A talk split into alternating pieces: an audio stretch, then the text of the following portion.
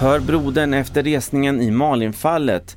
Musikvideo med Adrianas mordvapen kvar på nätet och idag invigdes Fria Ukrainas plats. Ja först i TV4-nyheterna om beskedet från idag om att Högsta domstolen återupptar fallet med mordet på 16-åriga Malin Lindström 1996.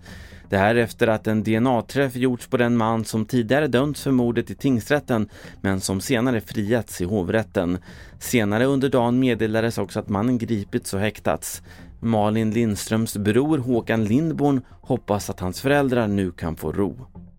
De, de, för deras skull vill de att de ska få ett fint avslut, eller få ta avslut på den här historien. Eh, och eh, det blir ju någon form att, att de får ett själsligt ro eh, om man kan fälla den här personen.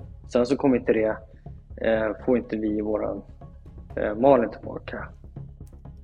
Trots flera uppmaningar från polisen så vägrar Youtube att ta bort en hiphop-video där flera av dem som misstänks för mordet på 12-åriga Adriana syns tillsammans med mordvapnet.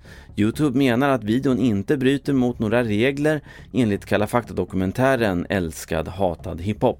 Vi hör vice chefsåklagare Anna Svedin. Den bilen och det vapnet har använts vid ett mord på en 12-årig flicka och att då hjälpa till att sprida den här videon tycker jag är eh, ja, men oerhört smaklöst och eh, en brist på eh, empati. Och du ser programmet på TV4 Play.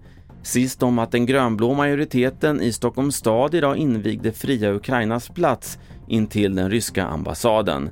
Namnbytet gjordes för att visa solidaritet med Ukraina efter den ryska invasionen och en som var på plats idag var Ukrainas ambassadör Andriy Pechotnyuk.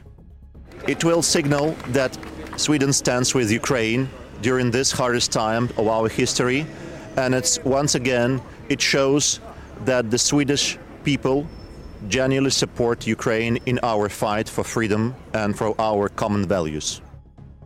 Fler nyheter i appen TV4 Nyheterna. Mitt namn är Carl-Oskar Alsen.